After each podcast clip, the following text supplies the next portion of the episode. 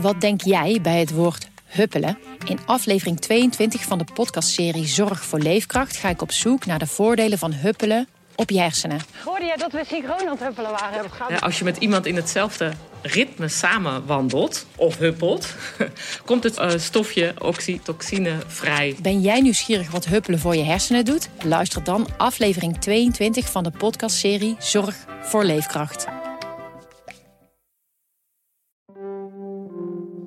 De energiecrisis, de stikstofcrisis, de klimaatcrisis. Je kunt er neerslachtig van worden, maar dat doen we niet. Mijn naam is Nienke Zoetbrood.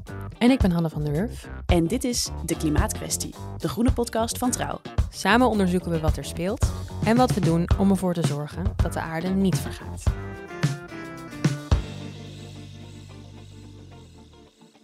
Een paar maanden geleden werd de 8 miljardste baby geboren. Tegelijkertijd is er een groeiende groep jongeren die twijfelt of ze überhaupt wel kinderen wil krijgen, omdat ze zich zorgen maken om het klimaat. Moeten we dat gaan doen? Stoppen met kinderen krijgen om het klimaat te redden?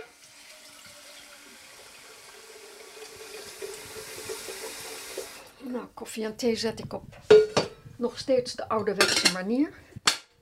Gewoon op een vlammetje in een kannetje. We zijn in de keuken bij Bente en Chris in Schiedam. Dat bevalt het allerbest. Bente die zet een pot thee. Zij en haar man Chris zijn in de 70 en besloten lang geleden om geen kinderen te krijgen. Hoe boos hun omgeving er ook om werd. Ja, dat is die speculaas. Ja, zoals gezegd is, ik ben Noorse en er zijn een heleboel gebaksoorten en koeksoorten en zo die, mijn, uh, die me in vervoering kunnen brengen. Maar zo'n ouderwets stukje harde speculaas met nootjes, dat is nog steeds, en alleen al de lucht moet je ruiken. Deze mensen hadden onze grootouders kunnen zijn. Toch maakten ze in de jaren 60 een heel vooruitstrevende keuze. Uh, wij hadden het over, over kinderen krijgen. Nou, uh, voordat wij ons verloofden, en dat was al in 67. Ik, ik hou van kinderen, hou nog steeds van kinderen. Chris gelukkig ook, dus dat is nooit een probleem geweest op zich. Van, uh, dat het niet leuk zou zijn met, met kinderen. Maar dan met eigen kinderen is dan toch een ander verhaal. Je ziet het om je heen. het, het, het wordt te veel. Mensen wonen op, op gebieden waar het eigenlijk niet kan. Het gaat vooral ook om het innemen van ruimte die je inneemt voor de mensen en die als mensen gezonder met de natuur zouden omgaan, per mens meer ruimte zouden nodig hebben. Dus je moet met, met, met minder mensen gaan, dan kun je ook meer in harmonie met de natuur leven. Dat besef is veel te weinig. Dat, dat, dat die natuur niet onze vijand is die we moeten bestrijden, maar dat het onze vriend is, niet altijd zichtbaar, die zorgt dat die aarde voor ons leefbaar blijft. Het is een absolute bedreiging als wij diersoorten en plantensoorten en insectensoorten het uitsterven injagen, omdat we als mensen meer en meer en meer plaats nodig hebben. Ja, dat, langzaam drong dan toch het besef door van, van ja, nee, dit, is niet de manier om, om, eh, om mee door te gaan. En, uh, nou, dus, voor de aarde dan. Voor de aarde. En, uh, ja, en ook ja, voor de mensheid, maar ook het feit van, van de natuur, want dat is voor mij altijd een hele grote leidraad geweest. Dat was toch wel iets wat, wat, uh, wat aan, aan dat besluit van, nou, we gaan samen door en dan samen zonder kinderen. Zometeen hoor je meer over de keuze van Bente en Chris. Maar eerst gaan we naar de mensen die nu voor deze keuze staan. Nieuw onderzoek laat namelijk zien dat veel jongeren, de tieners en twintigers van nu, worstelen met dezelfde beslissing als Bente en Chris in de jaren 60. Van de 10.000 jongeren die werden geïnterviewd uit heel veel verschillende landen, zei bijna 40% te twijfelen of ze later kinderen wilden vanwege klimaatverandering. Wat zit hierachter? Daarover praten we met Esther Bijlo, die voor Dagblad Trouw veel schrijft over klimaat en economie. Esther, welkom. Wat zit daarachter, denk jij? Waarom zit er zoveel twijfel bij de jongeren van nu om wel of geen kinderen te nemen voor het klimaat? Nou, als je interviews leest met uh, mensen die hierover nadenken, veel vrouwen overigens, ook mannen, maar vaak komen de vrouwen aan het woord, dan is het vaak een soort opeenstapeling van uh, gevoelens uh, over wel of niet kinderen krijgen in deze wereld op dit moment. En een ervan is, ik zet een kind op de wereld die niet in goede doen is, zeg maar. De wereld wordt, de toekomst van de planeet staat onder druk. Dus, maar goed, dat is op zich een argument van meerdere tijden, want ook, ook in tijden van oorlog of wat dan ook, en onrust, denken mensen daarover na. maar wat er wel echt bij is gekomen, is een soort individuele verantwoordelijkheid die jongeren voelen van ja, mijn kind gaat CO2 uitstoten en het milieu belasten.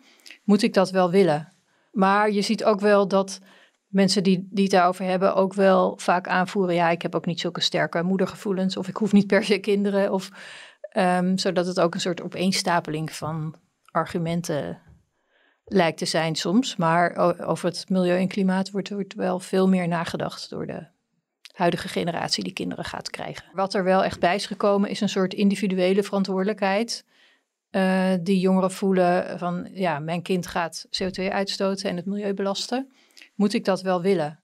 Dus aan de ene kant is het zo van, wil ik wel, zie ik mijn kind leven in een toekomst die er misschien minder mooi uitziet? Aan de andere kant zeg je, de, de, de, de individuele, het individuele impact dat een kind heeft, dat speelt nu opeens wel veel meer mee. Van alle luiers en alle babydoekjes, moet ik daar dan aan denken? Ja, ja alle, alle druk die, die een kind, gewoon een mens, stoot per definitie uit en, en uh, belast het, het milieu per definitie. Hoe weinig ook. Het kan weinig zijn, kan veel zijn. Um, en uh, ja, er zijn ook mensen die zelfs nu zeggen van het is egoïstisch als je meer dan twee kinderen krijgt. Want ja, met twee, nou oké, dat kan dan misschien nog. Uh, maar de derde, dan ga je eigenlijk weer de bevolking uitbreiden statistisch gezien. En, uh, Want met twee blijft de bevolking gelijk? Nou ja, met twee is het ongeveer, je reproduceert ongeveer jezelf, zal ik maar zeggen. Als je ja, uitgaat van twee mensen die twee kinderen krijgen. Um, als je niet wilt dat de bevolking groeit en daar jouw bijdrage aan zou willen leveren, dan kan je zeggen, ja, bij de derde uh, moet er dan eigenlijk een belasting op of zoiets. Of is dat een egoïstische daad? Dat hoor ik ook wel zeggen. Oké, dus die derde die ligt vooral onder Die derde ligt vooral gevoelig, maar is natuurlijk ook een groep die, die nadenkt van ik wil helemaal geen kinderen. Om die reden. In Nederland gaat het vaak over die puur individuele verantwoordelijkheid. Van ik wil mijn eigen voetafdruk van mezelf en mijn nageslacht uh, zo, zo klein mogelijk houden. Uh, in Engeland heb je een, een soort geboortestakingbeweging. Geboortestakingbeweging? Uh, ja, zo, zo heet dat, geboortestaking. We gaan in geboortestaking. Dan lijkt het meer een soort politiek aspect ook te hebben. Van wij krijgen geen kinderen zolang de overheid niet voldoende doet op om het klimaatprobleem op te lossen. In an age of concern about climate change, some people have become opposed to the very idea of having children. Some people decided that no, it is not okay to have children. Blythe Pepino is a co-founder of Birth Strike. It's a group of people who are refusing to have children in order to resist climate change. And she joins us tonight. Blythe, thanks very much for coming on. Um, I, I, the story makes me sad. I'm, I'm not here to attack you. I, I want to take what you're saying seriously, but mm. I'm not sure I understand why you're choosing not to have children. So I, I would be grateful if you'd tell us. Sure. Um, yeah, uh, thank you for asking because a lot of people are getting a little bit confused about what we're trying to do here. Um, Birth Strike isn't about um, trying to stop other people from having children. Um, we feel too afraid to have kids um, because we feel that we're heading towards civilization breakdown as a result of the environmental crisis and the sort of mismanagement or political inertia over dealing with it. Does that make sense? Drie jaar geleden is dat opgekomen. Uh, onder leiding van een uh, Britse zangeres. En er is een soort manifest uitgegaan dat uh, wel iets van duizend keer is ondertekend. Um, maar het is lastig in kaart te krijgen hoe groot die beweging precies is. En bestaat die beweging ook in Nederland al? Nou, niet onder die noemer. Er zijn volgens mij wel Facebookgroepen met jonge mensen die hierover nadenken en hun, hun, argumenten uitwisselen. En ook omdat ze merken dat als ze hierover praten, dat het, dat het toch ook wel weer vaak een taboe is. Of dat, dat uh, andere mensen die er niet zo over denken, het gevoel hebben: oh, mag ik dan geen kinderen krijgen van jou of zo? Of doe ik daarmee uh, een heel slecht iets. Dus die ervaren ook wel dat het, dat het best lastig is om erover te praten. Ja, dat gevoelig ligt. Ja, het ligt gevoelig. Dat mensen hier liever niet over praten, dat merkten we ook toen we hier jonge mensen over wilden spreken. Zij durfden dat niet. Maar Bente en Chris zijn het na al die jaren zo gewend om hun keuze te verdedigen dat zij hier wel over wilden praten. In die tijd werd het gezien als egoïstisch om geen kinderen te willen hebben. Nou, en eh, ik, ik, ik kreeg dus inderdaad uh, opmerkingen als: uh, ja, maar als jij geen kinderen wilt, dan ben je geen echte vrouw. Ons, ons uitgangspunt was het eigenlijk het omgekeerde. Wij vonden het egoïstisch om per se uh, maar kinderen te willen, gewoon omdat je het leuk vindt om kinderen te hebben. Of het een, een vanzelfsprekendheid vindt om kinderen te hebben. En het, het dus niet egoïstisch vonden om daar dus van af te zien voor de wereld, voor het milieu, voor de natuur. Wij, wij denken dat wij de, de laatste onbezorgde generatie zijn geweest. Nou, het lijkt nou toch wel bewezen dat wat wij hebben gedaan als mensen uh, daar behoorlijk aan heeft bijgedragen. En dat zou niet het geval geweest zijn als de mensheid een kwart, een tiende deel van de huidige omvang zou hebben. Dan zou je zelfs met de westerse levensstandaard gewoon, dat zou de aarde kunnen opvangen. We hebben dus die aarde echt overbevolkt. Even wat vragen op een rijtje. Zijn er inderdaad te veel mensen op aarde? Hoe slecht is kinderen krijgen nu echt voor het klimaat? En lost het iets op als we minder kinderen krijgen?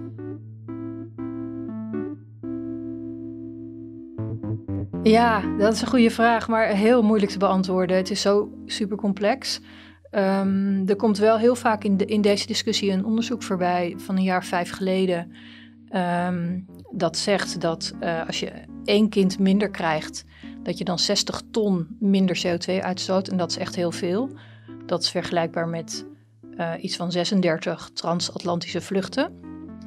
Uh, en dat staat dan verreweg bovenaan bij dingen die je kunt doen om minder uit te stoten. Om je eigen voetafdruk te verkleinen. Ja, dus stap 1, één kind minder ja, krijgen. Maar uh, daar moet ik wel bij zeggen dat die cijfers, of dit, ja, worden wel echt bestreden ook omdat het gaat ervan uit dat die kinderen, en daar weer de kinderen van, uh, net zoveel gaan uitstoten als wij doen. En dat is natuurlijk maar zeer de vraag. Want als het goed is, gaan we steeds schoner zeg maar, leven. dus het is niet de bedoeling dat onze kinderen weer evenveel gaan uitstoten als wij. En dat maakt dit soort onderzoek wel heel complex. En het is heel moeilijk te stellen van, ja, jouw toekomstige kind gaat zoveel uitstoten. Het maakt ook natuurlijk heel veel uit waar je geboren wordt. Zeg maar ook in Nederland, uh, de armste uh, delen van Nederland st stoten veel minder uit dan de rijkste. En in de wereld is dat verschil natuurlijk nog veel groter. Als je binnen Nederland kijkt, kun je dat verschil beschrijven? Waar moet ik dan aan denken? Aan een kind dat minder uitstoot of een kind dat heel veel uitstoot? Als je geboren wordt in een stadswijk, in een relatief klein huisje, verbruikt, verbruikt relatief weinig energie, je ouders hebben geen auto, Um, dan stoot je al veel minder uit dan als je geboren wordt in, uh, ja, even cliché, uh, Wassenaar in een grote villa. En, en je gaat drie keer per jaar op vakantie in je gezin. Ja, dat, dat verschil is al behoorlijk groot. Alleen al binnen een relatief rijk land als Nederland. En over de wereld, als je het over de wereld bekijkt, is het, het verschil natuurlijk nog veel groter.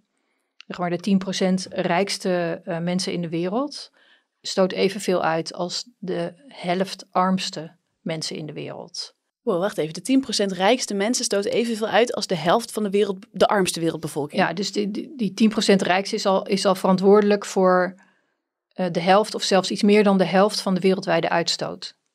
En zijn we dat sowieso al in Nederland? Behoren we al tot die 10%? Ja, ja, ja. misschien niet iedereen per persoon, zou ik maar zeggen. Maar uh, de meeste mensen behoren tot die, 10, de rijkste 10% dat klopt. Dus het maakt nogal verschil waar een kind geboren wordt in Nederland, in wat voor gezinssituatie. En het maakt ook nog uit waar een kind geboren wordt in de wereld. En eh, wat zijn landen waar moet ik aan denken waar de klimaatimpact gewoon minder is als een kind daar geboren wordt? Ja, dat, dat, dat heeft gewoon heel veel verband natuurlijk met armoede. Dus in Afrika wordt per hoofd van de bevolking het minste uitgestoten. Uh, daarna komt Azië, Europa, Amerika het, meeste nog steeds uh, per hoofd van de bevolking. Um, dus ja, als je in Amerika geboren wordt, dan gemiddeld dan, hè, sta je meteen al op een behoorlijke portie uitstoot voor je toekomstige leven, zal ik maar zeggen. Laten we niet vergeten, ondertussen groeit de wereldbevolking gewoon door. Een paar maanden geleden werd de 8 miljardste baby geboren. Een bijzonder record voor de aarde. Een organisatie heeft uitgerekend dat we vanaf vandaag met 8 miljard mensen op de wereld zijn. Dat zijn heel veel mensen dus op aarde. Maar is dat reden voor een feestje? 60 jaar geleden waren er nog maar 3 miljard mensen op aarde. Blijft de bevolking zo doorgroeien? Uh, het, gaat, het blijft wel groeien, maar we zitten op het laagste tempo van groei sinds de jaren 50. En wat betekent dat, dat we op het laagste tempo van groei zitten? Nou, het, de groei vlakt af eigenlijk. Dus uh, er komen wel nog steeds mensen bij, maar uh, het gaat minder hard. In 2080 zouden we op 10,4 miljard mensen uitkomen. Nou is dat wel een, natuurlijk een hele natte vingervoorspelling, maar dat is wat de VN ongeveer uh, nu als prognose heeft. En weet je ook, blijft het er nou ook doorgroeien of stopt die groei ook op een gegeven moment? Um, ja, dat, dat is afhankelijk van zoveel factoren. Als de welvaart toeneemt en of de welvaart meer naar elkaar toe beweegt in de wereld, dan, dan zou je kunnen verwachten dat uh, de groei echt, echt, echt stabiel gaat blijven of misschien zelfs gaat afnemen. Want waardoor komt dat? Uh, dat komt omdat er in rijke landen relatief minder kinderen worden geboren per vrouw. Um, dus als die ontwikkeling zich overal zou voordoen, en dat, dat zou zo blijven, dan krijg je op een gegeven moment juist bevolkingsafname. Dus aan de ene kant is het zo, hoe rijker mensen worden, hoe minder kinderen ze krijgen. Dus hebben we minder bevolkingsgroei. Maar tegelijkertijd vertelde je eerder dat hoe rijker mensen worden, hoe meer ze ook weer uitstoten. Ja, nou ja, dat is ook uh, het hele lastige dilemma. Um, want een, een, een, groep internationale onderzoekers heeft wel een poging gedaan om te kijken van wat gebeurt er als we de, de 33% armste mensen in de wereld een soort menswaardig bestaan geven. En dat is iets boven de absolute armoedegrens van de Verenigde Naties. Dus gewoon uh, een menswaardig bestaan als het gaat om huisvesting, transport, gezonde voeding, uh, energie. Dus je hebt een dak boven je hoofd en drie maaltijden ja. per dag? Ja, precies. Uh, dan zou dat de uitstoot van CO2 met 25% doen toenemen in de wereld. Dat is echt heel veel. Gewoon een kwart meer uitstoot. Um, wow. Ja.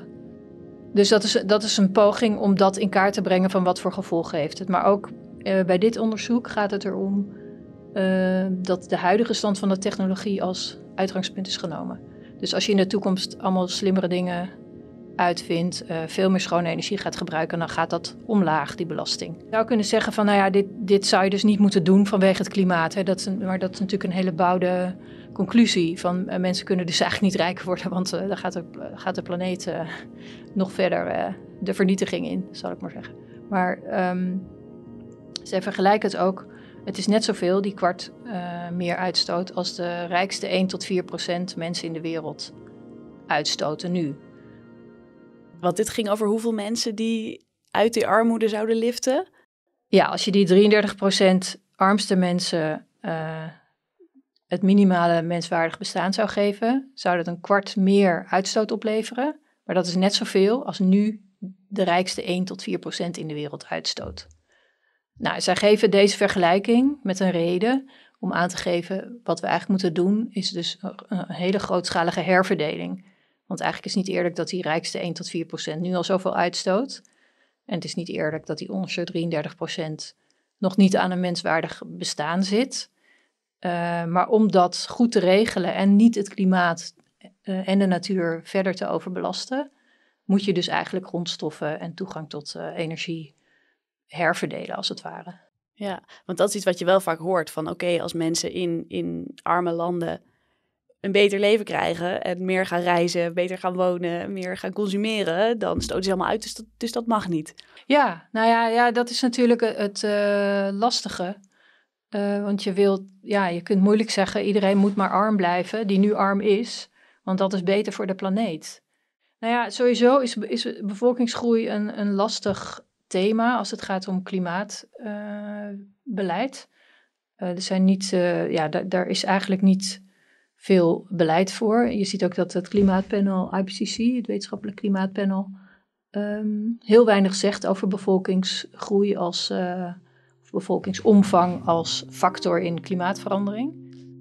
Bevolkingsgroei en klimaat lijkt zo'n lastige combinatie dat zelfs mensen die er onderzoek naar doen liever hun vingers er niet aan branden. Het Nederlands Demografisch Instituut heeft ehm, een paar jaar geleden een enquête uitgezet onder Europese bevolkingswetenschappers. Om te zien hoe zij denken over het verband tussen uh, bevolkingsomvang en klimaat. Um, en het bleek eigenlijk dat zij zeer verdeeld zijn over uh, dat vraagstuk. En veel minder eigenlijk dan bijvoorbeeld biologen of, of ecologen of economen. Die roepen al snel, ja, de bevolking moet omlaag vanwege klimaat of natuur. Um, maar de bevolkingsexperts zelf uh, zijn daar veel minder duidelijk over. Um, er was bijvoorbeeld een stelling. Vermindering van de wereldbevolking is cruciaal om de uitstoot van CO2 te verminderen. Dat was de stelling. En er was 37% het eens mee en 34% oneens. Ja, dat is natuurlijk niet echt een duidelijke, duidelijke uitkomst. En um, zelfs over ook het effect van bevolkingspolitiek zijn ze zeer sterk verdeeld. Of dat überhaupt iets zou uithalen. Ja, ik kan me ook moeilijk voorstellen dat het dan in een land als Nederland zou zijn van... Hè, laten wij onze bevolking eens gaan ja, beperken. Ik bedoel, als je vanuit Afrika kan men makkelijk zeggen natuurlijk... ja, je kan beter eerst uh, minder rijke kinderen op de wereld zetten... want, want die stoten het meeste uit. Dus het wordt een hele, ja, het is, wordt gewoon een hele ingewikkelde discussie. En, en als je zo'n hypothetisch arm land hebt dat zegt, joh, laat eerst die rijke landen maar minder kinderen krijgen, zijn we toch weer een beetje terug bij die, bij die clubs in, in Engeland en ook mensen in Nederland die twijfelen of ze wel kinderen moeten krijgen om het klimaat. Hebben die organisaties in Engeland dan toch een punt? Moeten we ook maar met geboorte, strike, staking gaan? Nou ja, ik vind het wel een moeilijke. Ik bedoel, als mensen dat willen en die overtuiging hebben, dan, dan moeten ze dat natuurlijk doen en, en doen wat ze vinden dat bij hun past. Maar um, ik vind het lastig om, om te zeggen dat mensen dat zouden moeten doen, omdat het krijgen van kinderen is zo'n bazaal of zo'n aards iets. Uh, ja, moet je dat zo puur functioneel aan, aan de uitstoot koppelen? Um, ja, ik denk dat het beter is om je bewust te zijn van, van wat je. Uh, de uitstoot gaat nog steeds niet omlaag. En het is natuurlijk wel degelijk een, een verband tussen een mens op de wereld die leeft en de uitstoot of de natuurdruk. Um, tegelijk is, is het denk ik geen goede weg om dat uh, helemaal aan het individu te hangen. Dus ik zou ook, ja, ik denk dat het beter is om je bewust te zijn van, van wat je uitstoot of hoe je leeft en wat je daar zelf voor invloed op kunt uitoefenen, zonder dat je voortdurend uh, over alles wat je doet schuldig moet voelen of alles op jou individueel wordt afgerekend. Want het klimaat wordt natuurlijk alleen maar beter als ook gewoon uh, de overheden, bedrijven, als er andere regels komen. Uh, uh, dat kun je niet in je eentje. En tegelijk is, is het goed om je bewust te zijn. En natuurlijk ja, proberen duurzaam te leven, daar is natuurlijk niks mis mee. Maar je kan niet in je eentje die schuld op je schouders nemen. Esther, dankjewel. Geen dank. Dit was De Klimaatkwestie, de groene podcast van Trouw. Kijk vooral in de show notes bij deze aflevering. Daarin staan de links naar de onderzoeken die we noemen. Dankjewel Esther Bijlo, journalist bij Trouw. En heel veel dank aan Bente en Chris. Deze aflevering is gemaakt door Hanna van der Wurf en door mij, Nieke Zoetbrood. De eindredactie is in handen van Charlotte Verlauw. Je luisterde naar een podcast van Trouw. Meer podcasts vind je op trouw.nl/slash podcast. Je kunt onze journalistiek het beste ondersteunen door een abonnement te nemen. Kijk daarvoor op trouw.nl/slash podcastactie of klik op de link in de show notes.